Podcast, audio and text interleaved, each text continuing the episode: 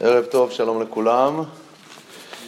אנחנו נמצאים בשמואל ב' בפרק ז', אנחנו התחלנו שבוע שעבר, אבל אה, נכון, לפני שבועיים, שבוע שעבר לא למדנו לצערי.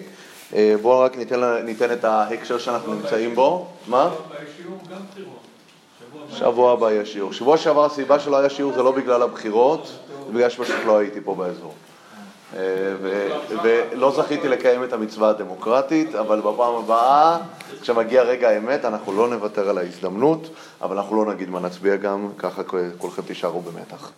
בכל מקרה, אה, הפרקים שאנחנו נמצאים בהם, כמו שדיברנו עליהם כבר אה, מתחילת המחזור הזה של הלימוד שלנו, הם פרקים לא כרונולוגיים. מה הכוונה לא כרונולוגיים? אנחנו התחלנו את לימודינו עכשיו אחרי סוכות. מהשלב שבו דוד המלך אחרי המסע המפותל והארוך והאתגרים הרבים שהיה לו מול שאול ומול עוד גורמים, הוא סוף כל סוף הופך להיות מלך בישראל, אחרי שאחרי המאבק מול איש בושת ואחרי האינטריגות אבנר בן נר ויואב בן צרויה, סוף כל סוף בפרק ה' דוד מלך ישראל מלך על כולם. מהשלב הזה פרקים ה', ו', ז' וגם עכשיו אנחנו נראה את זה בפרק שלנו, אה, פרק, גם בפרק ח' שאולי נגיע אליו היום, הם פרקים שבאיזשהו מקום הם רוצים לתת איזשהו סיכום על למלכות דוד, אבל הם לא פרקים שנמצאים על רצף אה, כרונולוגי. הוכחנו את זה ממספר אירועים שמופיעים בפרק ה', שהם באופן ודאי קרו בשלב הרבה יותר מאוחר.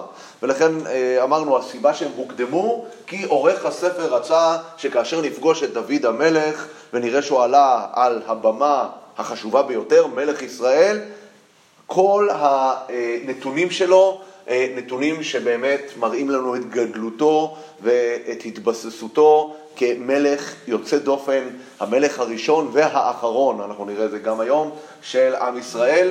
אז באמת העריכה כאן היא עריכה מגמתית שרוצה לתת לך איזושהי תמונה. ומהי התמונה שראינו? ראינו שדוד. אה, מיד כשהוא מתמנה למלך, הוא נלחם עם פלישתים, הוא מנצח אותם, כאשר אנחנו הצבענו על זה שהתפקיד הראשון של מלך הוא זו הסיבה שביקשו מלך על, על ישראל, להושיעם מיד פלישתים, נכון? זו הבקשה המוקדמת לשמואל, שימה לנו מלך ויושיענו מיד פלישתים. אחר כך אנחנו רואים שהוא מעלה את הארון לירושלים, זאת אומרת הוא מבסס עיר בירה, מקום מקדש, ועוד כהנה וכהנה, ועכשיו אנחנו רואים שדוד קופץ כבר לשלב המתקדם יותר. לא רק שהארון עולה לירושלים ונגאל מנדודיו הרבים, הארון הרי מאז חורבן שילה יצא לטיול ארוך מאוד גם בערי פלישתים, ואחר כך בבית שמש ובבית אה, עובד אדום הגיתי וכולי, ובסוף, סוף כל סוף, הוא מגיע, קריית יערים שכחתי, סוף כל סוף הוא מגיע לירושלים למנוחתו, אבל כאן גם השלב הבא מגיע, כאשר דוד פונה לנתן הנביא, והוא אומר לו, אנחנו לא רוצים רק את הארון בירושלים, אנחנו רוצים גם את בית המקדש. ובית המקדש עצמו עבר נדודים רבים. עד, עד משכן שילה, הארון והמקדש והמשכן היו יחדיו. ממשכן שילה, מחורבן משכן שילה ואילך, יש שם פיצול, אחרי 369 שנה שהמשכן שוכן בשילה עם הארון בתוכו, הארון פונה לנדודיו והמשכן פונה לנדודיו. המשכן נודד לנוב, אחרי זה נוב נחרבת על ידי דואג האדומי, שאול ועל ידי דואג, ואחרי זה המשכן נודד לגבעון, בגבעון יש את הבמה הגדולה, ששם שוכן המשכן. אנחנו רואים שכששלמה בסופו של דבר יבנה את המשכן, הוא מעלה את הכלים מהבמה הגדולה בגבעון, זה מופיע גם בדברי הימים וגם במלכים, ובסופו של דבר המשכן יעלה לירושלים ויהפוך ממשכן למקדש ויתאחד עם הארון, זה יקרה בימי שלמה, אבל זה מה שדוד בעצם רוצה להקדים את זמנו ולעשות פה בפרק שלנו בשמואל ב' בפרק ז'. עכשיו אנחנו ראינו, אולי, אולי כדאי לנו לקרוא, לקרוא קצת אה, שוב פעם במהירות, כי אנחנו עסקנו בשתי שאלות שהתחלנו קצת לענות עליהן. השאלה הראשונה שאנחנו שאלנו היא, מדוע נתן אומר לדוד כל אשר בלבבך עשה? בואו נראה, בואו נקרא את זה בפנים. פרק ז' פסוק א', ויהי כי ישב המלך בביתו, והשם הניח לו מסביב מכל אויביו, ויאמר המלך לנתן הנביא, ראה נא אנוכי יושב בבית ארזים, וארון האלוהים יושב בתוך העירייה. ויאמר נתן אל המלך, כל אשר בלבבך לך עשה, כי השם עמך, והשם עמך. זאת אומרת, נתן אומר לו, נשמע רעיון מעולה, יאללה, תתקדם עם זה. אבל מה קורה מיד אחר כך? ויאמר, ויהי דבר השם, ויהי בלילה ההוא, ויהי דבר השם אל נתן לאמור, לך ואמרת אל עבדי אל דוד. כה אמר השם, האתה תבנה לי בית לשבטי, כי לא ישבתי בבית למיום העלותי את בני ישראל ממצרים ועד היום הזה. ואהיה מתהלך באוהל ובמשכן, כמו שתיארנו, היה נדודי המשכן, אני, לא, לא, לא היה לי בית.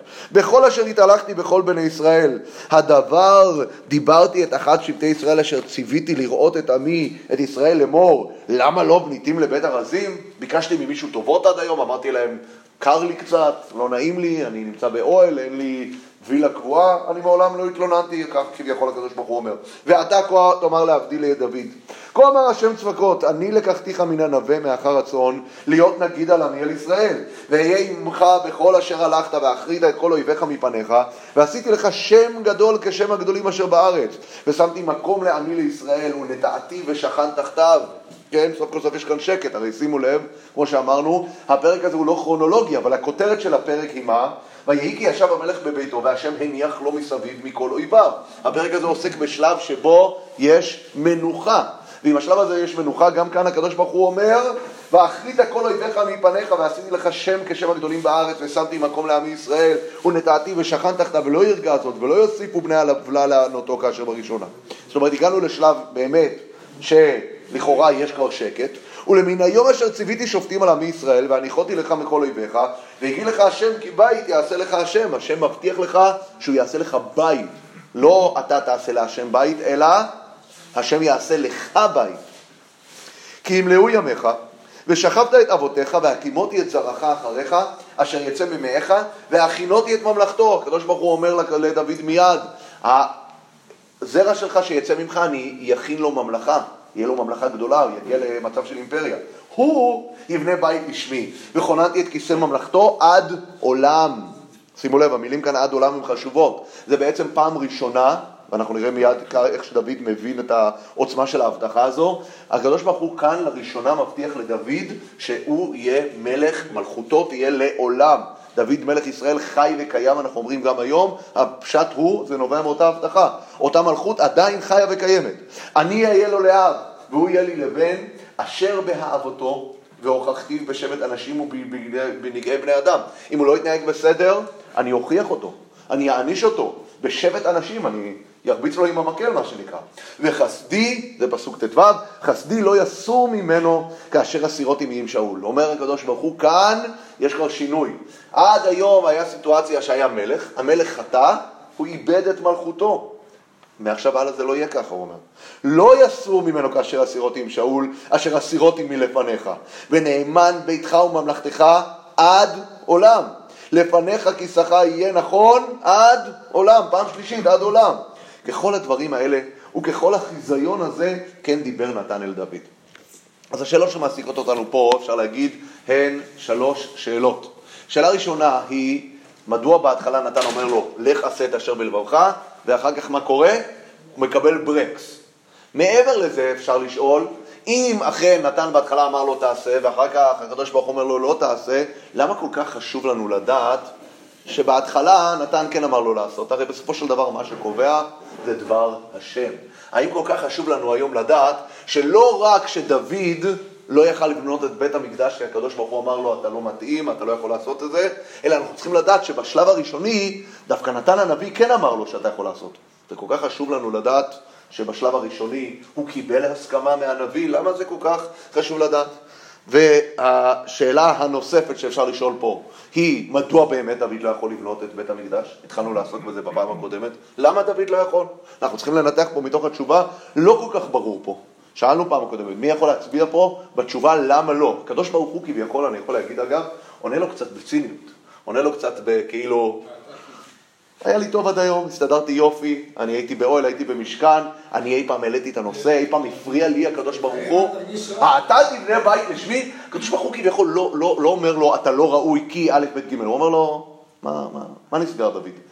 עכשיו, לכאורה הייתי מצפה שאם זו הנימת, כביכול הקדוש ברוך הוא בא ואומר לו איזושהי נימת ביקורת. אבל מיד אחר כך מה קורה? הקדוש ברוך הוא נותן לו את המתנה הכי גדולה שהוא יכול לתאר. מהי המתנה הזו? הבטחה למלכות עולם. איפה, איפה, איפה הדברים האלה נשזרים פה אחד בשני? זה קצת נראה דו-שיח מוזר, כן. זה נראה שהוא אומר לו, כאילו, אני לא צריך. אני לא צריך, אני לא צריך. לא, לא. כאילו, הוא אומר לדוד, שמע, קודם כל אני מעריך את זה מאוד שהצעת, אבל עזוב, לא צריך. למה למה לא צריך? אז אנחנו ראינו באמת, ואני, כמו שציינתי בשבוע שעבר, יש כאן באמת רשימה אדירה של פירושים מכל המפרשים למה דוד לא יכל לבנות את הבית להשם, כאשר ראינו שבתוך הכתובים עצמם יש סתירה. בדברי הימים כתוב במפורש, דוד אומר, הסיבה שאני לא יכול לבנות את הבית, למה? הסיבה מפורסמת, ידיי דמים מלאו. ידיי דמים מלאו, אנחנו הסברנו או בגלל המלחמות הרבות שהוא עשה, כי הרי השלב הזה, למעשה אני חוזר שוב פעם למה שפתחנו בו את השיעור, זה שלב שהוא לא כרונולוגי, זה השלב של אחרי כל המלחמות. הפרק הזה אגב, פרק ז' הוא בוודאות קודם לפרק ח', פרק ח', אני הורס לכם את המתח, הוא פרק שיספר על כל מלחמות דוד, כן? הפרק הזה הוא פרק שהוא הרבה אחרי פרק ח'. דוד כבר נלחם הרבה, הוא שפך הרבה דמים, אז כאן יש את הסברה הבסיסית, כמו שאמרנו, שכמו שכתוב אה, על, ה, על המזבח שצריך לבנות אותו אבני גזית, מה פירוש אבני גזית?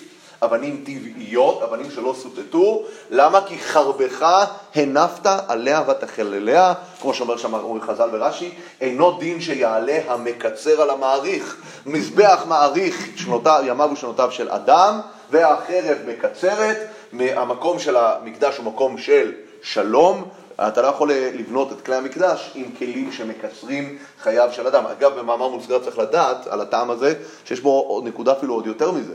אנחנו יודעים שישעיהו אומר, כי ביתי בית תפילה ייקרא לכל העמים, מדברת על אחרית הימים, גם זכריה מדבר על הנושא הזה, על הגויים. יש, נכון יהיה אה, בית השם בראש הערים ונלוו אליו גויים רבים. יש איזושהי תפיסה לגבי בית המקדש, שבית המקדש הוא אקס ואנחנו יודעים שגם ברמה של עם ישראל, אנחנו יודעים שירושלים, המקדש לא נתחלק לשבטים, אבל יותר מזה, אני אמרתי איזה פעם את הנקודה הזאת, זו נקודה חשובה לדעת, שהדברים האלה הם דברי הלכה. בבית המקדש, מהי השפה הרשמית של בית המקדש? מישהו יודע?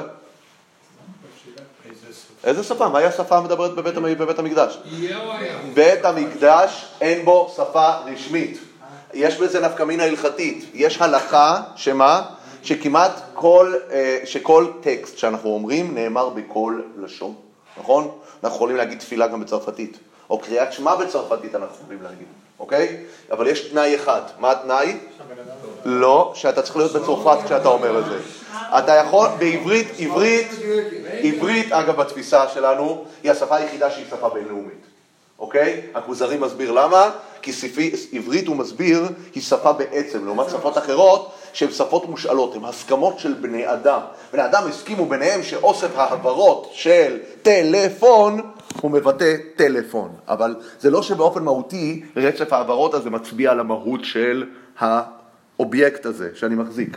בשפה העברית, ככה טוען הכוזרי, זה אגב אחת מהתפיסות שלו מהי לשון הקודש, אומר כשאתה מדבר על אובייקט, אתה אומר שזה ספר, זה לא רק אוסף הברות שהעם העברי החליט באופן מוסכם להצביע על האובייקט הזה ולקרוא לו ספר, אלא שהמילים ספר, האותיות הללו מבטאות משהו עמוק ביחס למהות של הספר. הקבלה עוסקת בזה המון. יש מדרש אותיות של רבי עקיבא שמסביר על האותיות, אני לא יודע אם אתם מכירים את זה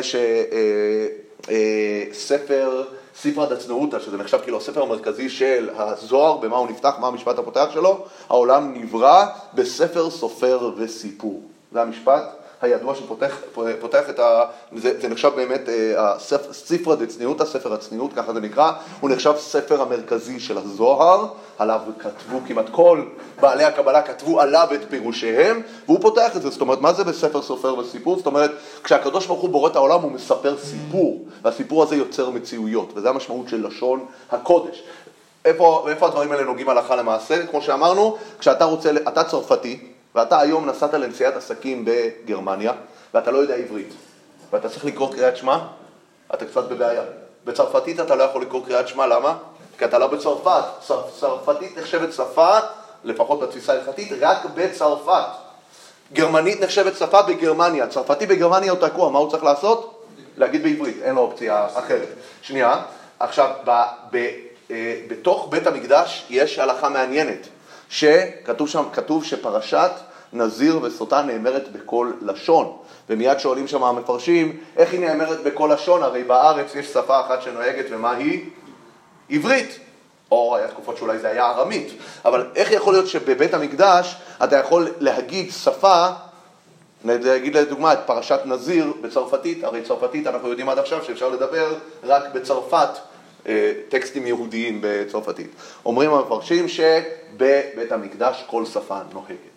כל שפה נוהגת, זה נפקא מין הלכתית. אין לבית המקדש שפה ספציפית, ביתי בתפילה יקרא לכל העמים, בית המקדש הוא אקס טריטוריה, הוא שפה משותפת לכולם. איך הגענו לנקודה הזו? אה, כי אנחנו אמרנו שאינו דין שיעלה המקצר על המעריך, משהו שהוא מקצר בתפיסה, בית המקדש הוא מקום שיוצר הרמוניה בין בני אדם. הוא מקום, הוא כמו, לצורך העניין הייתי אומר האומות המאוחדות, למרות שזה משל גרוע מאוד, להבדיל אלף אלפי הבדלות, אבל, אבל זה כביכול האו"ם ברמה הרוחנית של בני אדם שיוצר חיבור ואחדות בין אנשים, ולכן גם אומר הקדוש ברוך הוא, למרות שדוד המלחמות שהוא עשה מול העמים הן מלחמות מוצדקות. הן מלחמות מוצדקות, זה לא הנקודה. הנקודה היא שעדיין גם מלחמות מוצדקות לא פותרות אותך מזה שאתה לא יכול להיות הבן אדם הראוי לייצר המקום שהסמל שלו הוא סמל של הרמוניה בין אנשים, בין שפות, בין תרבויות. אז זה בהחלט אחד מהסיבות שדוד לא יכל לעשות, זה סיבה, הסיבה הפשוטה והיא מופיעה בדברי הימים. אבל אצלנו לא מופיע. מישהו רוצה לשאול משהו? אני ראיתי. בשפות מסוימות, מה יצא שאפשר לקרוא בשפה אחרת, היום זה לא רלוונטי בגלל שהמשמעות של המילה בעברית היא לא מדויקת לפעמים, אי אפשר לדייק אותה באותה רמה בשפה אחרת שאומרים. יכול להיות, יכול להיות, אבל היום הלכה למעשה, אם בא לך מישהו, חוזר בתשובה, גר, אין לו דרך אחרת, אז הוא אומר את התפילה ואת קריאת שמע באנגלית, זה בסדר. בסדר, אני לא יודע. זה הבעיה, בשלוש מילים, בסדר. יש, יש משפט שדיקנס היה אומר, הוא היה אומר שלקרוא ספר לא בשפת המקור, הוא היה אומר, סליחה על המשל, הוא אומר זה כמו לנשק אישה דרך בד. אתה, אתה, יש שם, אתה נוגע, יש משהו, אבל יש שם משהו שחוצץ, אין מה לעשות. תרגום הוא אף פעם לא מדויק אה, למקור. אה, מעט מאוד תרגומים יכולים לבטא את המשמעות האמיתית. כן. איך זה שנתן הנביא נתן תשובה בלי לשאול את הקדוש? זה קורה, יש, יש, יש דוגמאות לדברים כאלה. אני חושב שאחד מהדברים שזה מגלה לנו, ולכן זה, זה, זה מעניין, לנביא יש גם אישיות ומחשבות במנותק. הנביא הוא לא רק, הוא לא מיקרופון דובר של הקדוש ברוך הוא. נביא גם יוצא, כשהוא יוצא למכולת והוא שואל כמה עולה החלב, הוא מדבר כנתן, כנתן, לא כנתן הנביא.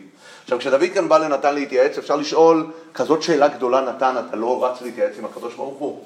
אבל, אבל אני חושב שלמפרע, וזה קשור לתשובה שאני רוצה לתת, למה זה באמת נכתב פה. בעיקרון לא היה צריך לכתוב את זה, כי הספר שלנו, הספר הזה, התנ"ך, או לפחות החלק של הנביאים בו, כותב ספרי דברי נבואה. או שהוא כותב סיפורים שיש להם משמעות נבואית, משמעות רוחנית לדורות. למה חשוב לנו להבין שנתן אומר לדוד אתה ראוי? כי בעצם הפרק הזה פותח באיזושהי אמירה, כותרת בראשו, דע לך קורא פרק זה. כאשר דוד לא יבנה את בית המקדש מהסיבות האמורות להלן, זה רק בגלל הסיבות הללו, אבל דוד ראוי לבנות את בית המקדש, והנה עובדה שנתן אפילו אמר לו לך ותעשה את זה. כך הקדוש ברוך הוא כביכול התערב ואמר, רגע, רגע, רגע, זה לא באמת הדבר המתאים. למה זה לא מתאים? אגב, לא, לא אמרנו עדיין את כל הסיבות. סיבה אחת אמרנו, כי דוד, כמו שכתוב בדברי הימים, ידיך דמים מלאו. הסיבה השנייה שאמרנו, אמרנו, אבל אצלנו זה לא מופיע הסיבה הזאת. אצלנו לכאורה, הקדוש ברוך הוא דוחה אותו, מה שמביא הרבה פרשנים להגיד שאין סתירה באמת בין דברי הימים לפה. כי פה הקדוש ברוך הוא לא נותן לו סיבה למה לא. הקדוש ברוך הוא אומר לו, עזוב אותך, אתה תבנה לי בית, אני הסתדרתי יופי, הקדוש ברוך הוא לא נותן לו סיבה, הקדוש ברוך הוא כביכול, מה שנקרא, דוחה אותו בקש, אפשר להגיד בזה רמה, דוד בסדרי הימים מפרש למה הקדוש ברוך הוא לא רצה, כי כאן הקדוש ברוך הוא לא מדבר, לא אומר את הסיבה, הוא רק אומר לו, עזוב, זה לא, זה לא, זה לא, זה לא מתאים, הוא לא אומר לו למה. אנחנו ראינו עוד סיבה שמביאים, שהיא גם נראית סיבה שיכולה להסתדר, אה, אה, להסתדר. אנחנו יודעים שהשלב של בניית בית המקדש, קראנו את זה בתוך הפסוקים בפרשת ראה, יש כמה תנאים כדי להגיע לבית המקדש. צריך קודם כל למנות מלך, צריך להחריד זרעו של המלך, צריך להגיע למצב של והניח לך מכל אויביך מסביב, וישבתם בטח. צריך ישיבת בטח. זה שני שלבים נפרדים. דוד מצליח אכן לנצח את האויבים ולהכניע אותם ולהגיע למצב שהוא באמת מחזיר את אה, אה, גבולות ארץ ישראל לגבולות ההבטחה, אבל הוא לא מצליח להגיע ל"וישבתם בטח". ישבתם בטח זה שלב אחרי, זה שלב שהאויבים שלך, אגב, זה, זה, זה משהו שכתב, איך קוראים לו? הפילוסוף הגדול של המלחמה, איך קראו לו? ברח לי השם. לא, לא, לא, לא, לא, לא, לא, שנפ... כתב את זה על נפוליאון. אה, ברח לי השם שלו. זה, הוא, הוא כתב את... אה, אה, מה? קל- כן, אני חושב פון קלאוזוויץ. אז הוא אומר דבר מעניין. הוא אומר, מתי אתה מנצח מלחמה? זה, זה, יש לאנשים הרבה אה, טעויות. אני, אני שמעתי הרצאה בנושא הזה, דיברו על, על, על, על ישראל. מתי ישראל ניצחה את מצרים? מתי היה הניצחון? אנחנו נוטים לחשוב 67 או ב-73 כשנחלצנו. הניצחון על מצרים, מתי הוא היה? הוא היה אך ורק כאשר המצרים באו לחתום איתנו את הסכם השלום. כי מהי המשמעות של ניצחון? הרי אתה יכול לכבוש עם, לנצח אותו. אבל מה? אתה רק מתבסס והוא בא ותוקף אותך שוב פעם. או אתה מתבסס בתוכו ומתחיל להפעיל פעולות אה, גרילה אה, שונות ומשונות כדי להשתחרר מעול הכיבוש. הניצחון המוחלט הוא כאשר העם שמולך התייאש מלהילחם מולך. ולכן השלב של הניצחון שלנו על מצרים הוא שלב הסכם השלום. כי הרי ב-67 חשבנו שניצחנו, אבל מה גילינו ב-73? שהופה, המטוטלת חוזרת. ואז אנחנו נמצאים במתיחות בשלב אחר כך. מתי הניצחון הוא מושלם? כשהצד השני מכריז, גמרנו, אין לי עניין להילחם בך, כי אני מבין שהמלחמה הזאת לא תוביל אותי לשום מקום, ואין לי מה להרוויח ממנה, זה השלב של הניצחון. ואני אומר גם פה, דוד אכן בשלב הראשון הוא מנצח את אויביו, אבל להגיע לשלב של וישבתם בטח, ראינו, זה לא מופיע בימי דוד בכלל, זה מופיע בימי שלמה בפירוש, במלכים ב' בפרק ה', מופיע פעמיים, ששלמה יושב בטח. ישיבת בטח, ישיבת בטח זה שלב אחר, ו- וכאן בהחלט אה, דוד לא נמצא בשלב הזה, אז זה טעם נוסף שאנחנו ראינו למה דוד לא מתאים לבנות את בית המקדש. יש עוד טעם שנאמר פה, אה, וזה טעם קצת של הרלב"ג, שזה קצת טעם, אה, יש בו משהו, משמעות מוסרית. הוא אומר, אנחנו רואים פה בפסוק ח', ש... הקדוש ברוך הוא אומר לדוד, הנה אני לקחתיך מן הנווה, מאחר הצאן, להיות נגיד על עמי על ישראל, ואהיה בכל אשר הלכת, ואחית בכל אויביך מפניך, ועשיתי לך שם גדול כשם הגדולים בארץ. אז כאילו אומר הרלב"ג, מה, מה הקדוש ברוך הוא מנסה להגיד לדוד פה? אומר לדוד, די לך למה שכבר נתתי לך. אל, אל, אל, אל תפתח מה שנקרא תיאבון גדול מדי. אני כבר לקחתי אותך המון. לקחתי אותך כל כך הרבה, שאתה צריך לדעת גם להסתפק במועט, דוד. קיבלת המון, די לך. אל, אל תדרוש יותר ממה שכבר קיבלת, זה כבר מספיק. התהליך שעשיתי איתך, עשיתי איתך, הוא כבר אה, מספיק ודי. אני אקריא לכם מה אומר הרלב"ג. ועתה די לדוד לקחו השם יתברך מאחרי הצאן להיות נגיד על בית ישראל. והיה עמו בכל אשר הלך והחריד צאנה ועשה לו שם גדול כשם הגדולים אשר בארץ לרוב הצלחתו ורוב עמידת מלכותו ושם על ידו מקום מנוחה לישראל ולא צרו לישראל צונאיהם ובהיות העניין כן הנה די לו במה שהגיע בו מן ההצלחה. ולא ישאל לו גדולות שיהיה בני בית המקדש על ידו אבל בנו שימלוך אחריו הוא יבננו. בקיצור הקדוש ברוך הוא אומר תניח משהו לדורות הבאים. כאילו אל, אל, אל, אל תיקח הכל. אבל באיזשהו מקום אני לא יודע אם יש פה אפילו ביקורת. אה, אנחנו רואים בסופו של דבר שיש אמירה מאוד חיובית של הקדוש ברוך הוא ביחס לדוד בהמשך הפרק, שהוא אומר, ה- ה- כ- כביכול כמו, ש- כמו שעונים למלך כוזר בחלום, כוונתך רצויה. המעשה, כרגע אנחנו לא רוצים שתעשה את זה, כן, סוף מעשה במחשבה תחילה. נכון. מה ששלמה עשה זה בגלל דוד. בוודאי. אגב, אחד מהדברים הבולטים בשונוי שיש בין שמואל, ספר שמואל לספר דברי הימים, שספר דברי הימים אה, מוסיף ומרחיב כמה דוד היה מעורב בהכנת החומרים והיסודות ותוכניות הבנייה לבית המקדש, כביכול כששלמה מגיע, הכל מוכן. כמו שהבאנו, חז"ל גם אומרים במקום מסוים שדוד אפילו ירה את אבן הפינה. ירה את אבן הפינה, אבל הוא לא בנה בפועל. הוא, הוא, הוא תכנן את כל מה שצריך, העביר את כל האישורים, קיבל את התב"ע לבנייה, קיבל את כל, עבר את כל המערכות הבירוקרטיות. היום אומרים במדינת ישראל שאתה צריך יותר מ-100 אישורים בשביל תוספת בנייה. דוד העביר את כל המסכת הקשה של הבירוקרטיה, ואני לא יודע, בכל הארץ, בירושלים בוודאי. אז, אז אה, כאן הכל מוכן לך, אבל את זה לא תעשה, אבל בשמואל זה לא מופיע, העניין הזה שדוד מכין את בית המקדש. הדבר האחרון שניתן להגיד אולי, שזה קצת מתקשר לטעם שדיברנו על הנושא של המנוחה ושל הישיבה, זה שכביכול הקדוש ברוך הוא אומר לדוד, לא רק מבחינת התנאים ההלכתיים שצריך ישיבת בטח, אתה בעצמך לא נמצא במצב הנפשי הנכון אה, לעשות את הדבר הזה. שלמה באיזשהו מקום, אגב, צריך לדעת, אה, אנחנו תמיד אומרים, אני מאמין בנועה שלמה ובביאת המשיח וכולי וכולי וכולי. הנוסח הזה הוא נוסח קצר, נכון? אנחנו יודעים שיש לו אפילו, השלושה עשר עיקרים של הרמב"ם עברו קיצור של קיצור, נכון? הרי יש את הנוסח הארוך שמופיע בהקדמה לפרק חלק, ששם יש את העיקרים, היסודות, זה נקרא יסודות, אחר כך יש את הקיצור שלהם שמופיע בסוף התפילה, אני מאמין באמונה שלמה, וכמובן רוב השירים שהלחינו, הלחינו על הנוסח הקצר, כי אי אפשר להלחין את כל הנוסח הארוך, הוא ממש ארוך. אבל יש את הקיצור של הקיצור, מה הקיצור של האני מאמין?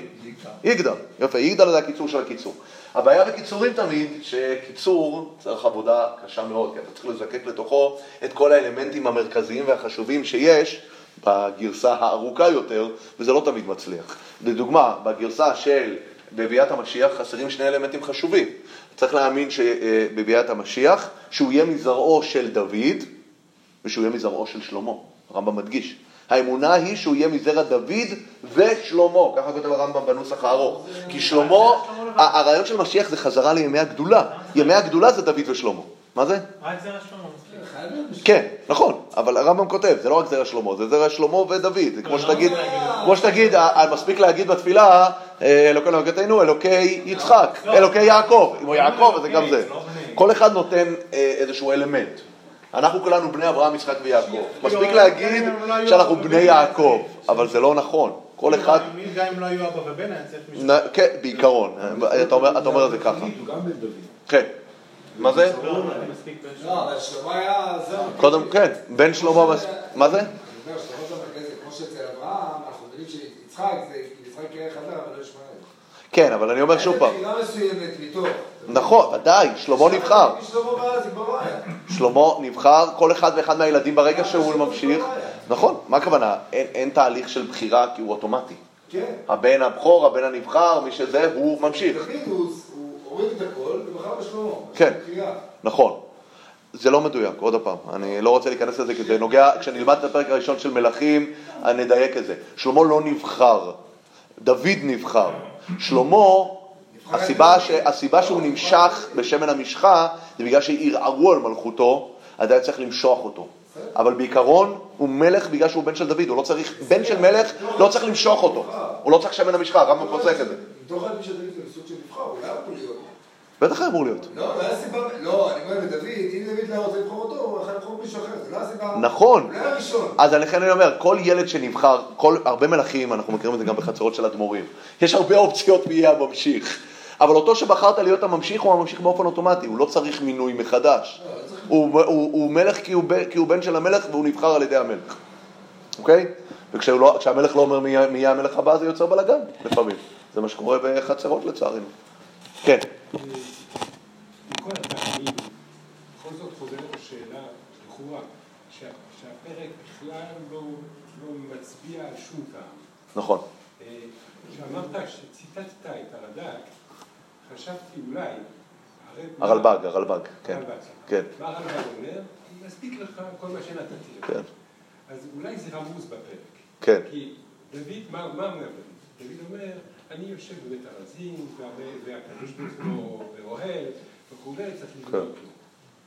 הקדוש ברוך הוא אומר לו, אני אבנה לך בית. כן. זאת אומרת, זה לא היה נשמע מה שביקשת. כביכול. רצית להוסיף עוד איזשהו הישג, כאילו. לי, כן. אבל זה לא נשמע, יש לך כן. ו- ו- ואיך הקדוש ברוך הוא אומר לו את זה? אה, אני אעשה בית לך. כן. אה, יפה. וזה בדיוק מה שהרלב"ג אומר. כן. שמספיק לך כל מה שעשית. אפשר אפילו להחריף את מה שאתה אומר. כביכול, כשהקדוש ברוך הוא אומר, אתה תבנה בית לשמי, הקדוש ברוך הוא אומר לו, דוד, דוד, בוא נעשה סדר. אני בונה לך בתים, אתה לא בונה לי בית. אה, בוא נעשה סדר. בני אדם לא בונים לאלוקים. עצם זה שבכלל בונים בית מקדש משהו אחד, אבל אני לא הומלס. אתה, אם אין לך בית, אתה הומלס. הקדוש ברוך הוא לא הומלס. הוא לא, הוא לא, לא, חסר לו, לא חסר לו בתים. אם צריך לעשות בית זה הדבר הנכון, אבל זה לא מגיע מהחסר. יש כאן נקודה, אגב, אפרופו, אם דיברת כבר על הנושא של בית, המילה בית נזכרת כאן משהו כמו 15 פעמים בכל הקטע הזה. בית, בית, הבית שלך, הבית שלי, הבית שלך, הבית שלך, הבית שלי. אני חושב שיש כאן נקודה בית, הוא שלב של יציבות. בית מבטא יציבות. כשהקדוש ברוך הוא אומר לו שהבן שלך הוא זה שיבנה בית, זה לא סתם אני אומר לך, עזוב, נחכה עוד קצת. כשיש בן למלך, אז יש בית מלוכה. המשמעות של בית מלוכה זה מלוכה שעוברת בשושלת. כשיגיע שלמה, דוד, השם אומר לדוד, אז אתה תבין את היתרון שיש לך על שאול לדוגמה, שאול לא זכה להעמיד המשך. כי בית מלוכה, במה הוא הופך להיות בית מלוכה? בזה שהוא עובר בתורשה. וזה שדוד הופך, מעביר את המלוכה לבנו אחריו, זה נקרא שלב של יציבות, שיש בית. ואומר, כשהקדוש ברוך הוא כביכול אומר, אנחנו עושים דברי השווה, כשלך יהיה בית יציב, אז נתחיל לדבר על הבית שלי. אבל אל, אל תזדרז, קודם כל בוא נראה שהבית שלך הוא יציב, ואז כשהבית שלך יהיה יציב, יש יציבות פוליטית, שלטונית, יש שקט, יש ישיבה בטח, כל התנאים האלה מתכנסים יחד, אז אנחנו יכולים לפנות ליציבות, לחפש את היציבות הרוחנית. אבל קודם כל בוא נבנה את ההתערותא לטאטה, את, ה, את, ה, את השלבים של, ה, של ההתבססות במציאות הגשמית, ורק אחר כך אנחנו יכולים אה, אה, לעבור לשלב הבא. אה, בואו בוא נמשיך לקטע השני של הפרק, כי כאן יש באמת אה, משהו אה, מרתק ומעניין. מה עולם נבסס על זה, אני לא, אין לי, אין לי כאן איזושהי אמירה. ב, ב, ב, בשטף של דיבור, כשביטוי נזכר שלוש פעמים, זה אומר שזה משהו חזק, זה הבטחה חזקה. אבל אני לא יודע למה שלוש ולא ארבע או, או זה, אבל, אבל העד עולם פה הוא מאוד חזק ומודגש. ומה הקדוש ברוך הוא על ידי הנביא, מה הוא מוסיף בפעם השלישית ממה שהוא כבר אמר בפעם הראשונה? מה? הוא אומר לו, וכוננתי את כיסא ממלכתו עד עולם, אחרי זה הוא אומר, ונאמן ביתך וממלכתך עד עולם, לפניך כיסך יהיה נכון עד עולם, אני לא יודע. אני לא יודע, אדרבה, בואו. טוב. בואו נמשיך, וכאן אנחנו נלמד את המענה של דוד לקדוש ברוך הוא. דוד מאוד מתרגש מהמענה של הקדוש ברוך הוא, שהוא מבטיח לו את ההבטחה של נצחיות ממלכתו, ממלכתו וזה בפסוק י"ח. ויבוא המלך דוד וישב לפני השם ויאמר, מי אנוכי השם אלוקים ומי ביתי כי אביותני עד הלום. ותקטן זאת בעיניך השם אלוקים, ותדבר גם אל בית עבדיך למרחוק, וזאת תורת האדם השם אלוקים. אגב, אנחנו נראה, הנאום פה של דוד הוא נאום מאוד קשה, מבולבל קצת, לא, לא, לא, לא מאוד רהוט, אפשר להגיד, ש, שזה מה? מצטנע. זה לא רק מצטנע, זה קצת לא, אפילו לא, אה, קצת, אין, אין כאן יותר מדי קוהרנטיות בתוך הקטע הזה, ואני חושב, זה קורה לפעמים, אנחנו רואים את זה, שהתנ"ך כותב לפעמים את הדברים ככתבם מכלשונם, כאילו דוד כל כך מבולבל וכל כך נרגש ונסער, שהוא פשוט מדבר ככה, הוא לא מדבר כאן לקהל, הוא לא עומד כאן על, אה, על הבימה ונואם לציבור, הוא מדבר עם הקדוש ברוך הוא מתוך סערת רגשות נפשו, ו- ואנחנו רואים שהוא מדבר קצת באופן אה, מבולבל. אז מה, מה הוא אומר? ותקטן עוד זאת בעיניך השם אלוקים, ותדבר גם על בית עבדיך למרחוק, הוא בא להגיד אני קטן, וזאת תורת האדם השם אלוקים, מה זה וזאת תורת האדם? ביטוי מאוד, אה, מאוד מוזר. וזאת תורת האדם, זה ראיתי כמה פירושים פה, כביכול, מה? רש"י. מה רש"י אומר? ת, ת, תגיד לנו. אחר לי כמו שעשית לאדם הראשון, שהראית לו דורות העתידים לצאת ממנו. נכון, אגב, האדם הראשון, אדם הראשון זה לא סתם דוד והאדם הראשון הרי אנחנו יודעים. דוד, על פי המדרש, קיבל את ה-70 שנה שלו מהאדם הראשון. זאת תורת האדם. אה, אבל אה, יש כאלה פרשנים יותר מדברים על הפשט ואומרים כאילו אני, בי מצאת, אני האדם שבו מצאת להגשים את השאיפות שלך למלכות ב, ב, ב, בעולם? וזאת תורת האדם כאילו בסימן שאלה, נראה לי זה בפירוש הראשון של רש"י. וזאת תורת האדם, כאילו לקחת, הרי מה זה מלכות? מלכות זה לקחת אדם ולתת לו כוחות כביכול אלוקיים, להגיד לו יש כאן מישהו שמושל בשטח. זה מה שמצאת הקדוש ברוך הוא, דוד, דוד מדבר על עצמו שוב פעם בענווה, כאילו, בהמשך למה שהוא אומר. ומה יוסיף דוד עוד לדבר אליך? ואתה ידעת את עבדך השם אלוקים בעבור דברך וכלבך עשית את כל הגדולה הזאת להודיע את עבדך. על כן גדלת השם אלוקים כי אין כמוך ואין אלוקים זולותיך ככל אשר שמענו באוזנינו. ומי כעמך ישראל גוי אחד בארץ? עכשיו שימו לב הזמנים פה מבולבלים. אשר הלכו אלוהים לפדות לו לעם ולשום לו שם ולעשות לכם הגדולה ונוראות לארצך מפני עמך אשר פדית לך ממצרים גויים ואלוהיו המשפט הזה תחבירית, הוא פונה, נוכח, נסתר, עבר, רבים, יחיד, כמעט, כמעט כל, כל הטיה אפשר למצוא כאן במשפט. אני אומר שוב פעם, כנראה שזה מציג כאן את ה, כביכול את הבלבול של דוד מעוצם הבשורה שלו פה. אה, ותכונן לך את עמך ישראל לך לעם עד עולם ואתה השם היית להם לאלוהים. ואתה השם אלוקים אני בפסוק כ"ה הדבר אשר דיברת על עבדך ועל ביתו הקם עד עולם ועשה כאשר דיברת. ויגדל שמך עד עולם לאמור השם צבקות אלוקים על ישראל ובית עבדך דוד יהיה נכון לפניך. כי אתה השם צבקות אלוקי ישראל גלית את אוזן עבדך לאמור בית יבנה לך. על כן מצא עבדך את ליבו להתפלל אליך את התפילה הזאת. ואתה השם אלוקים אתה הוא האלוקים ודברך ודבריך יהיו אמת. ותדבר אל עבדך את הטובה הזאת ואתה אוהל וברך את בית עבדך להיות לעולם לפניך כי אתה השם אלוקים דיברת ומברכתך יבורך בית עבדך לעולם. עכשיו שוב פעם אנחנו רואים, המילה הכי אה, חזקה כאן בתוך הקטע זה עולם, נכון? עכשיו זה באמת מעניין, למה דווקא פה באמת הקדוש ברוך הוא אה, אה, בוחר לתת לו כאן את ההבטחה הזאת של עד עולם? למה פה הוא זוכה להבטחה הזאת, דווקא בסיטואציה הזאת? מה, מה קרה בסיטואציה הזאת שדוד ביקש את המלכות, ביקש לבנות לו בית מקדש, שמזה הקדוש ברוך הוא מתעורר ומבטיח לו מלכות עולם. אז האמת היא, התשובה לזה נמצאת בפרק דווקא ידוע לנו, פרק בתהילים, פרק תהילים קל"ב. בואו נקרא. תהילים, תהילים קל"ב, גם שם אנחנו רואים איך הדברים כרוכים זה בזה. מה, איך הולך פרק קל"ב? שיר המעלות, זכור השם לדוד את כל אונותו, אשר נשבע להשם נדר לאביר יעקב. הקדוש דוד נשבע, היה לו שבועה גדולה. אם אבוא באוהל ביתי, אם אעלה על ארץ יצואי, אם אתן שנת לעיניי לעפעפי, מה, אני לא אישן, אני לא ינוח עד מתי? עד אמצא מקום להשם משכנות לאביר יעקב. דוד מבטיח, אני לא ינוח ולא ישקוט עד שנמצא משכן להשם. הנה שמנוע באפרת המצנוע בשדה יער, נבוא למשתגנותיו נשתחווה לאדום רגליו. קום מהשם למנוחתך אתה ואורן עוזיך וכולי וכולי, בעבור דוד עבדיך אל תשב פני משכיך. ואז מה קורה? מיד ממשיך הפסוק. נשבע השם לדוד, אמת לא ישוב ממנה מפרי בטנך אשית לכיסא לך. אם ישמחו בניך בריתי ועדותי זו אלמדם גם בניהם עדי עד ישבו לכיסא לך. כי בחר השם בציון יבא למושב לו, זאת מנוחתי עדי עד פה ישב כי הביתיה וכולי וכולי. מה הקדוש שם מצביח קרן לדוד ערכתי נר למשיחי, מה אומר שם הפסוק?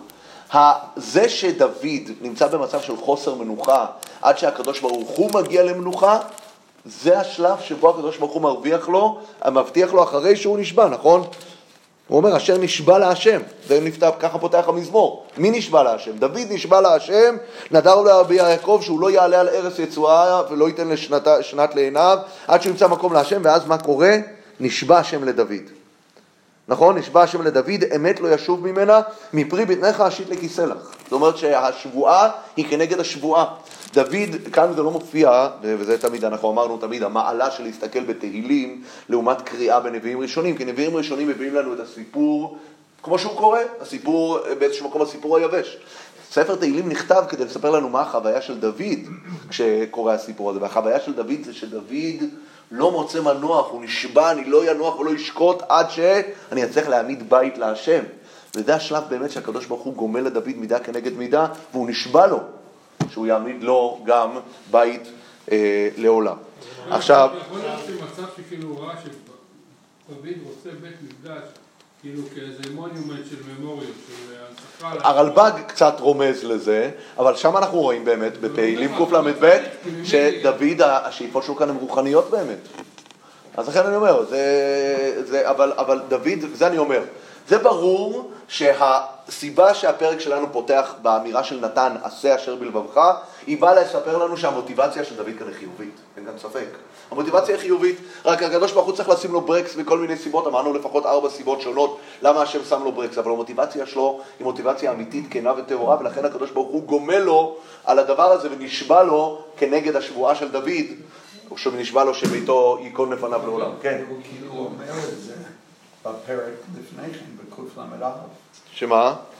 השם לא גבה ליבי ולא רמו עיניי. ולא הילכתי בגדולות, יפה. הוא אומר ההפך, אני הלכתי בפשטות. יפה, יפה, לא חשבתי על זה, יפה מאוד. אז אני אומר, יש כאן לדוד את המוטיבציה הנכונה, ולכן הקדוש ברוך הוא גומל לו בהבטחה הזאת. אבל יש כאן כן נקודה, והיא נקודה חשובה שצריך לשים לב אליה. שבסופו של דבר הרי, כביכול ההבטחה לא מתקיימת. הרי דוד בעצמו הוא מלך, המלכות של דוד מתקיימת באופן טהור, נכון? כמה? שלוש, שלושה דורות. דוד, שלמה ורחבעם. מיד אחר כך מה קורה? מתפצלת המלוכה. אמנם שושלת בית דוד ממשיכה עד צדקיהו, אבל זהו, היא נגדעת, היא נעלמת, אין, אין לנו מלכות דוד. אז יש כאן הבטחה כל כך הזמן, עד עולם, עד עולם, עד עולם, עד עולם, עולם, עולם, עולם, עולם, ואין עולם. הראשים כן. שהיו אחרי זה במשך הדורות, גם במגזר הדתי. למה? הראשים שהיו במשך הדורות, שהיה ציבור גדול, גם במגזר הדתי. או, אז אתה אומר משהו שמופיע לגבי רבי יהודה הנשיא והכל, שלא יעשו שבט מיהודה ומחוקק מבין רגליו, אומר שם רש"י, גם הנשיאים וגולי בבל. אבל עוד פעם, זה לא מלכות. והיום, מה היום? בי- בי- ביבי, אין לנו עדיין את ההוכחות שהוא מזרע אה, דוד המלך. או, מגלות, אבל יש כאן הבטחה, מה- מה גלות? יש הבטחה. אם יש מלכות, אז יהיה דוד. אוקיי, או, או, אז יש כאן נקודה, זה כבר מופיע בפרק שם, אם ישמרו בניך בריתי, ואת אותי זו עלמתם גם ביניהם עד להשית לכיסא לך. זאת אומרת, גם אצלנו אגב, הוא אומר, כי הוכחתיו בשבט וכולי וכולי, אבל צריך לשים לב למשמעות של עד עולם. אנחנו קראנו בפרשה הקודמת, כי את כל הארץ אשר אתה רואה לך אתננה ולזרעך עד עולם. אלפיים שנה לא היינו פה. מה זה עד עולם? עד עולם זה אומר, זה שייך לכם עד עולם. זה שלכם. כמו שהארץ שייכת לכם, יש סיבות שהקדוש ברוך הוא אומר שאתם לא ראויים לה עכשיו. כשעם ישראל היה בגלות זה לא אומר שהארץ לא שלו, זה אחד מהדברים שאולי כדאי ללמד את הפלסטינים. הארץ שאנחנו לא יושבים עליה היא לא מפסיקה להיות שלנו, זה ההבטחה. עד עולם זה עד עולם, אין לזה, אין לזה הפסקה. וזה האר- הארץ שלנו ויש לנו את השייכות אליה גם כשאנחנו לא יושבים עליה. באותו מידה הזיקה שיש לנו לארץ גם כשאנחנו לא יושבים עליה, זה אותו זיקה שיש לנו למלכות דוד כשאין לנו את זה. מלכות דוד זה אחד מהנכסים שלנו. יש לנו כל מיני בחירות, נכון? שם הקדוש ברוך הוא אומר, כי בחר השם בציון. בחר השם בציון, אבל אנחנו יודעים, אנחנו אזכרה אלוקים ואמיה, בראותי כל עיר על תילה בנויה, ועיר האלוהים מושפלת עד שאול תחתיה. אנחנו בכינו דורות על גבי דורות על זה שעיר האלוהים מושפלת. אבל כשהיא מושפלת זה אומר שזה לא שלנו? זה שלנו לגמרי. אבל בגלל זה אנחנו בוכים, אם זה לא שלנו, לא היה לנו על מה לבכות. אז אנחנו בוכים על ירושלים החרבה, ואנחנו בוכים על ארץ ישראל החרבה, ואנחנו בוכים על המקדש החרב שגם בו הקדוש ברוך הוא בחר, והמשמעות של בחירה, זה אומר שברגע שזה שמה זה לא עוזב לעולם, נכון? בית המקדש, גמרנו, זה שמה, זה, זה בית מנוחת עולמים, קידשה לשעתה, קידשה לעתיד, קידשה לעתיד לבוא, אה, מימי אה, עזרא והלאה. והקדושה והבחירה שוכנת שמה ולא עוזבת, וברגע שהיא לא עוזבת זה אומר שיש לפעמים מצב שהדברים לא עובדים כל כך, אבל זה עדיין שייך לנו.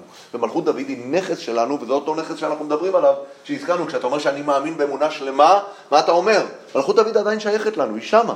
היא שמה כמו שארץ ישראל מונחת שמה. אנחנו צריכים פשוט לדעת איך להביא אותה. אנחנו צריכים לעשות את הפעולות הנכונות כדי להביא אותה לשטח. אבל כשאנחנו אומרים עד עולם, הכוונה היא שמה? שזה שלנו, ויש לנו את זה, אבל זה לא אה, אה, משהו שאנחנו כרגע, אה, או אנחנו לא רואים לו, שלא הגיעה השעה עדיין, אה, לא, מה שנקרא, לא, לא עלה רצון לפני הקדוש ברוך הוא, בעזרת השם שיעלה רצון בקרוב.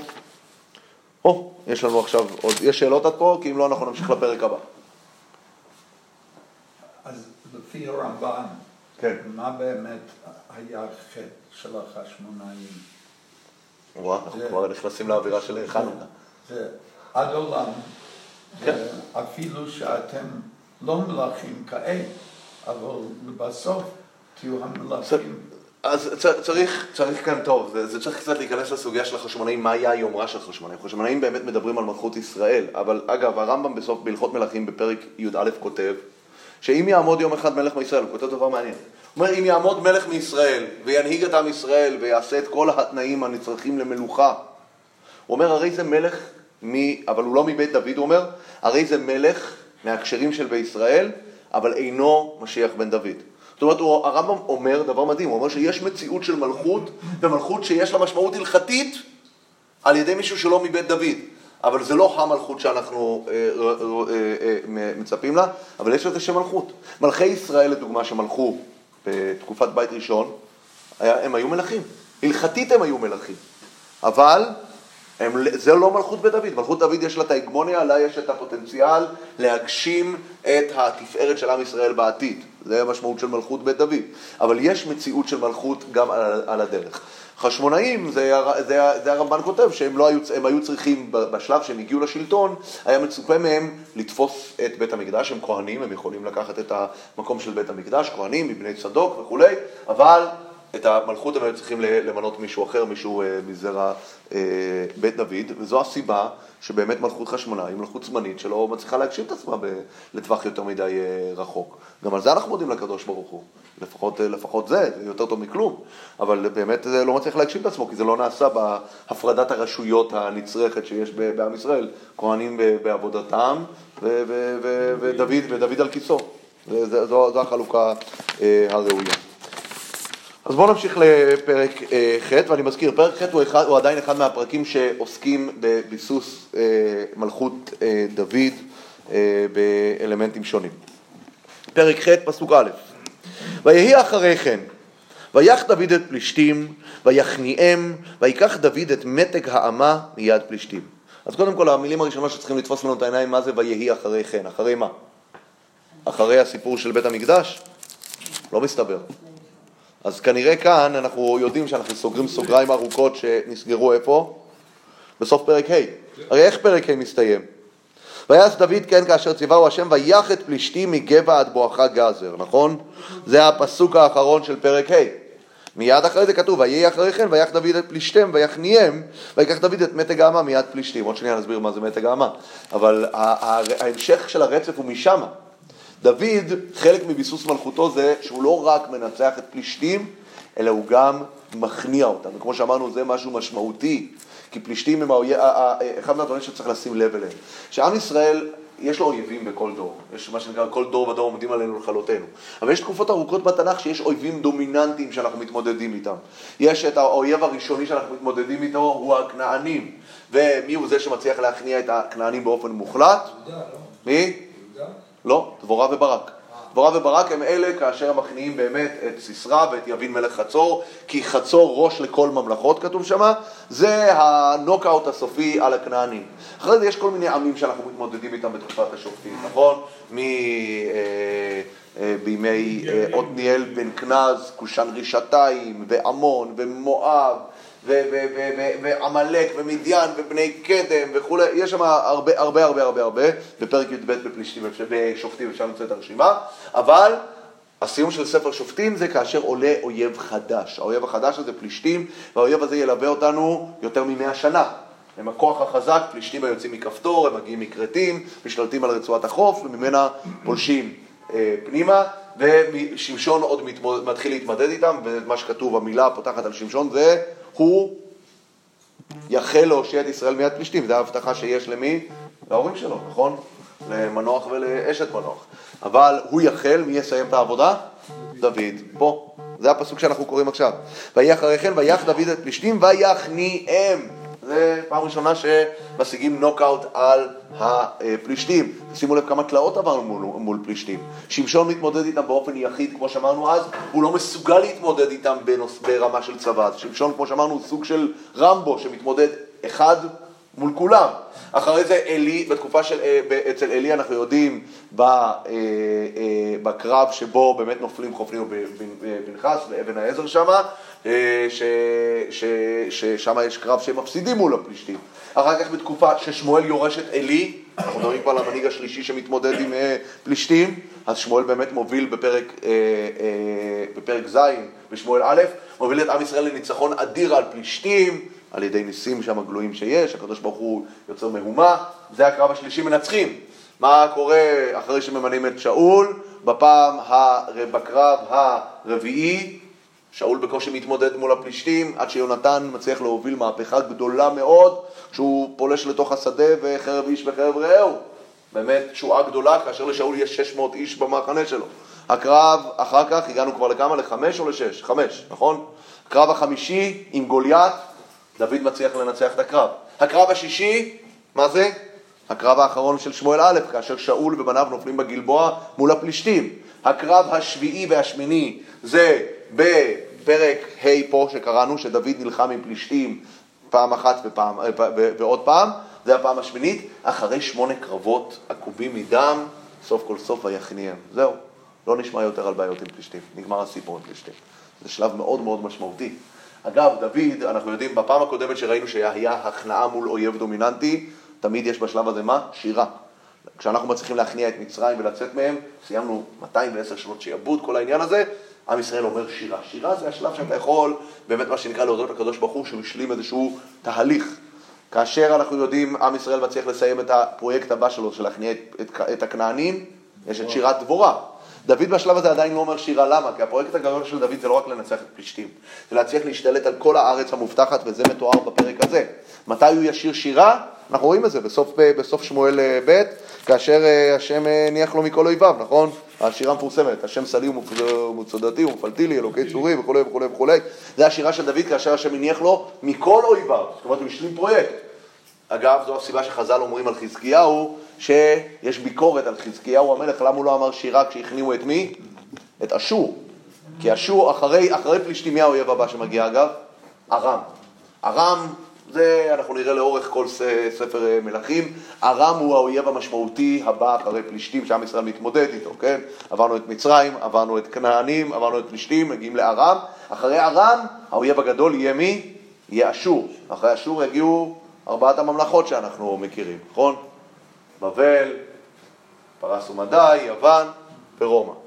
אבל האשור זה אויב כל כך דומיננטי שאומרים חז"ל שהיה ציפייה מחזקיהו אחרי המהפך הגדול שהיה שם, שאחרי שהם צרים על ירושלים הם בורחים ועוזבים, שהוא ישיר שירה, והיה ראוי לעשות. משיח חז"ל אומרים ולא נעשה כי הוא לא שר שירה. אז פה באמת יש כאן איזשהו, לפחות בנושא של פלישתים, איזושהי סגירת מעגל מאוד אה, חשובה ומשמעותית מול אויב דומיננטי וחזק שמלווה אותנו עוד מימי שמשון.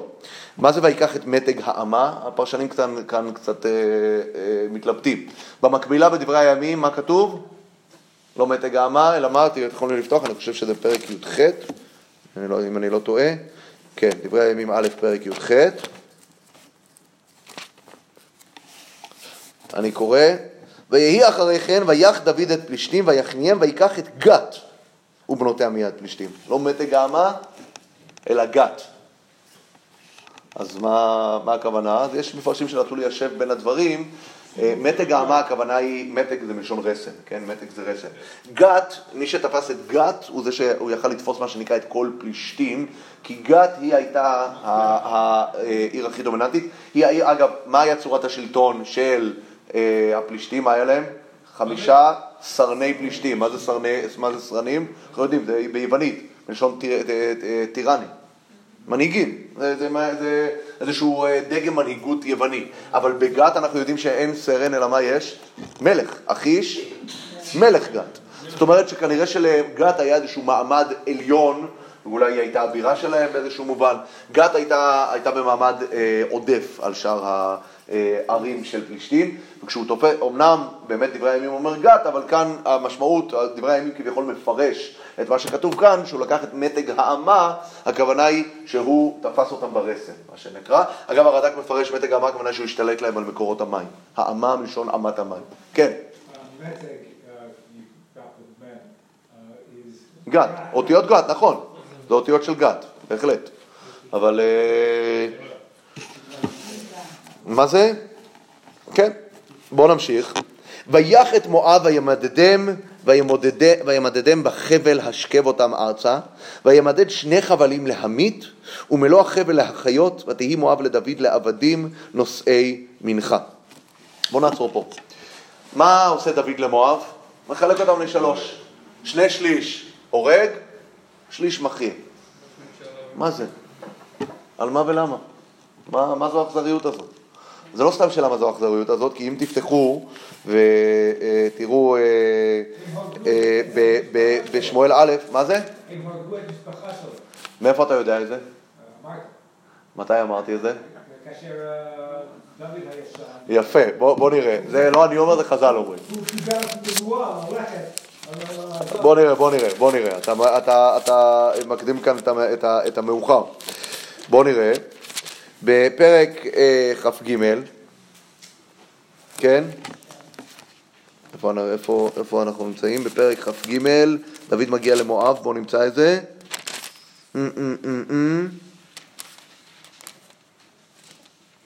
למה אני לא מוצא את זה? אולי זה בכ"ב? לא, נראה לי שאולי זה בסוף כ"ג, בואו נראה שנייה אחת. מי רוצה לעזור לי? איפה אני מוצא את זה? אני לא מוצא את זה. דוד הולך למואב, אה הנה, כ"ב, פרק כ"ב, רשמתי לעצמי, כ"ב פסוק ג'. דוד נמלט ממערת עדולה, עדולה מתקבצים, אני קורא בפרק כ"ב פסוק א', וילך דוד משם, אחרי שהוא אה, בורח מאחיש מלך גת, וימלט אל מערת, הגולה- אה, וימלט אל עדולם, וישמעו אחיו וכל בית אחי אביו, וירדו אליו שמה, ויתקבצו אליו כל איש מצוק, וכל איש אשר לא נושר, וכל איש מר נפש, ויהיה להם לשר, ויהיו עמו כארבע מאות איש, וילך דוד משם מצפה מואב. ויאמר אל מלך מואב, יצאנה אבי ואמי איתכם, עד אשר אדע מה יעשה לי אלוהים. וינחם את פני מלך מואב, וישבו עמו כל ימי היות דוד במצודה. לכאורה, מואב היו אכסניה נחמדה לדוד בזמן שהוא נמלט משאול. שזה קצת פלא, שאנחנו רואים, לא עוברים מספר קטן של שנים, ומה קורה? דוד באמת טובח בהם ב- ב- לכאורה באכזריות רבה. אז חז"ל, חז"ל כבר עומדים על השאלה הזאת, והם אומרים את מה שנאמר כאן, שכתוב כאן שהוא שולח את אביו ואת אמו, אבל לא, לא כתוב שהם חזרו משם. עכשיו, צריך לדעת האמת, שזה לא, ש, זה שאלה, שאלה, לא תמיד כותבים לנו את כל, הפרט, כל המידע ואת כל הפרטים בסיפור. זאת אומרת, אני לא יודע אם היה אפשר לשאול את כשאלה, מדוע לא כתוב שאביו ואמו של דוד חזרו. לא כתוב, גם לא כתוב על האחים של דוד יותר מדי מידע. ולא, לא, לא תמיד התנ"ך נותן לנו אה, את הפרטים המדויקים של הסיפור. אבל כנראה שחז"ל רוצים ליישב את זה, כי יש כאן איזושהי תמיהה מאוד גדולה, איך דוד נוהג במואב באכזריות כזאת גדולה אחרי שנהגו בו באכסניה, אז חז"ל מפרשים, כנראה, מסתבר, שמלך מואב בגד בדוד באיזשהו אופן, וזה הצדיק את האכזריות הרבה שהוא נהג בהם. אבל האמת היא, וגם פה אנחנו יכולים להשתמש בעוד משהו מפרק, אה, מתהילים. בואו נפתח בתהילים אה, פ"ג, זה גם אה, פרק ידוע, אנחנו לומדים היום פרקים ידועים בתהילים. מה זה מזמור לאסף? מכירים מזמור לאסף? אלוקים על דם מילך. נכון, כי הנה אויביך יהמיון ומשנאיך נשאו ראש. מה, על מה, מה הולך שם הפרק? בואו בוא, בוא נראה, פרק פ"ג. פ"ג, כן. אז שם יש פרק שמדבר על הנושא שלנו. שיר מזמור לאסף, אני קורא בתהילים פ"ג. אלוקים על דם מילך אל תחרש ואל תשקוט אל, כי הנה אויביך יהמיון ומשנאיך נשאו ראש. על עמך יערימו סוד ויתייעצו על צפוניך, אמרו, נראה לי זה קוראים את זה באזכרה הממלכתית ביום הזיכרון, קוראים את הפרק הזה אם אני לא טועה. אני, אם אני לא טועה, רב הכותל, הרב רבינוביץ' תמיד קורא, קורא את זה. אמרו לכו נא קידם מגוי ולא ייזכר שם ישראל עוד, כי נועצו לב יחדיו, עליך ברית יכרותו. או, עכשיו מי הם? מי הם אותם אנשים שנאמר יערימו סוד, אויביך יהמיון וכולי וכולי? אז יש כאן רשימה. אוהלי אדום וישמעאלים, מואב והגרים, גבל ועמון ועמלק, פלשת עם יושבי צור, גם אשור נלווה עמם, מה כל אלה היו? היו זרוע לבני לוט סלע. מה זה הגרים? היו זרוע, הגרים זה, אני יכול להגיד לך בשפה המודרנית, הגרים זה טורקים. הונגרים. כן, הגרים, זה, זה, אבל אה, אני לא, יודע, אני לא יודע מה זה הגרים. אה, אבל כאן כאן כתוב מה הכותרת, היו זרוע לבני לוט סלע, זאת אומרת כל האנשים, כל האלה היו בסוג של קואליציה שהם היו זרוע לבני לוט. ואז מה, מה דוד מקלל אותם? עשה להם כמדיין, כסיסרא, כיבין מנחל קישון. נשמעו דמיין דואר, היו כדומן לאדמה, שיתם על דבימה כעורך, כעורב, זאב, זבח, צלמונה, כל נסיכמו. אשר אמרו נרשע לנו את תנועות אלוהים. אלוהים שיתמו כגלגל, כקש לפני אש וכולי וכולי. ויבושו ויחפרו עד עד, וידעו כי אתה שמך השם לבדך, עליון על כל הארץ. על מה, על, מה, על מה דוד מדבר פה? דוד מדבר פה על איזשהו קרב שהוא אה, אה, אה, נמצא בו לכאורה, ואנחנו לא רואים איפה, איפה הסיפור הזה נמצא, וכנראה, כנראה שהיה איזשהו קרב מאוד מאוד אכזרי בין דוד לבין בני לוט. מי זה בני לוט? המון, המון במואב, כל האזור, גם, גם אדומים הצטרפו, מה שנקרא כל האזור של בני קדם, אזור של עבר הירדן המזרחי, היה שם אה, קרב קשה מאוד והם עשו קואליציה כנגד דוד, זאת אומרת לא רק פלישתים התאספו עליו, גם כל העמים האלה אה, התאספו עליו לקואליציה. אה, ואנחנו רואים אגב דבר מעניין, שעוד עוד, אה, עוד שניים שלושה פרקים בפרק י"ב, אנחנו רואים שדוד נוהג גם באכזריות רבה בעמון, לא רק במואב. אם נפתח בפרק י' בשמואל ב', בפרק י"ב,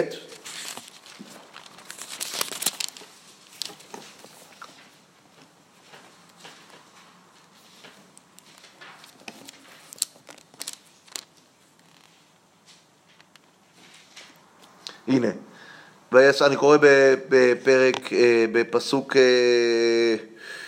כ"ט, ויאסוף דוד את כל העם, וילך רבתה, וילחם בה וילכדה, רבת עמון, כן, זה הבירה.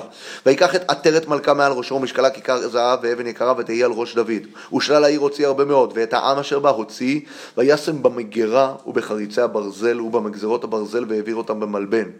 אני לא יודע מה זה כל הדברים האלה, זה כנראה כל מיני, כל מיני סוגים של מכשירי עינויים, או, לא, לא, או דברים שאנחנו פוגשים בעיקר באטליז. וכן יעשה לכל ערי בני עמון, וישב דוד וכל העם ירושלים. זאת אומרת, רואים כאן באמת, אה, היה כאן כנראה דם רע מאוד בין אה, ממלכת דוד לבין עמון ומואב. עכשיו, יש כאן אה, דבר מעניין. אצל מואב אנחנו רואים שמה הוא עושה? הוא חומל על שליש. אני ראיתי דווקא מישהו אומר משהו מעניין, הוא אומר שלמה הוא חומל על שליש? הוא אומר כי דוד בעצמו מגיע ממואב. מאיפה הוא מגיע ממואב? מה? מרות. רות הוא מגיע מצד, מאיפה? מצד אמו. אז הוא אומר, יש שלושה שותפים באדם.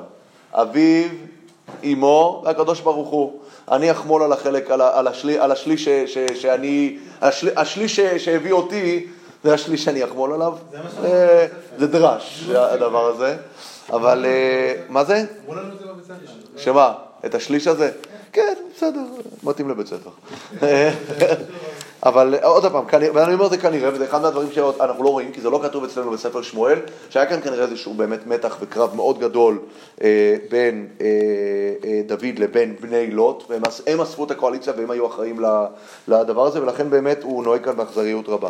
ושבוע הבא אנחנו כבר נלמד על כל שאר מפת הכיבושים של דוד ועל ה... מה, לא- לאן הוא רוצה להגיע ולהשיג במפת הכיבושים הזאת. תודה רבה, ערב טוב. מה זה? בוא תחבר. זה, זה סוג של סיכומים בסוף. אה, כן. אה, איך אומרים? אפילוג?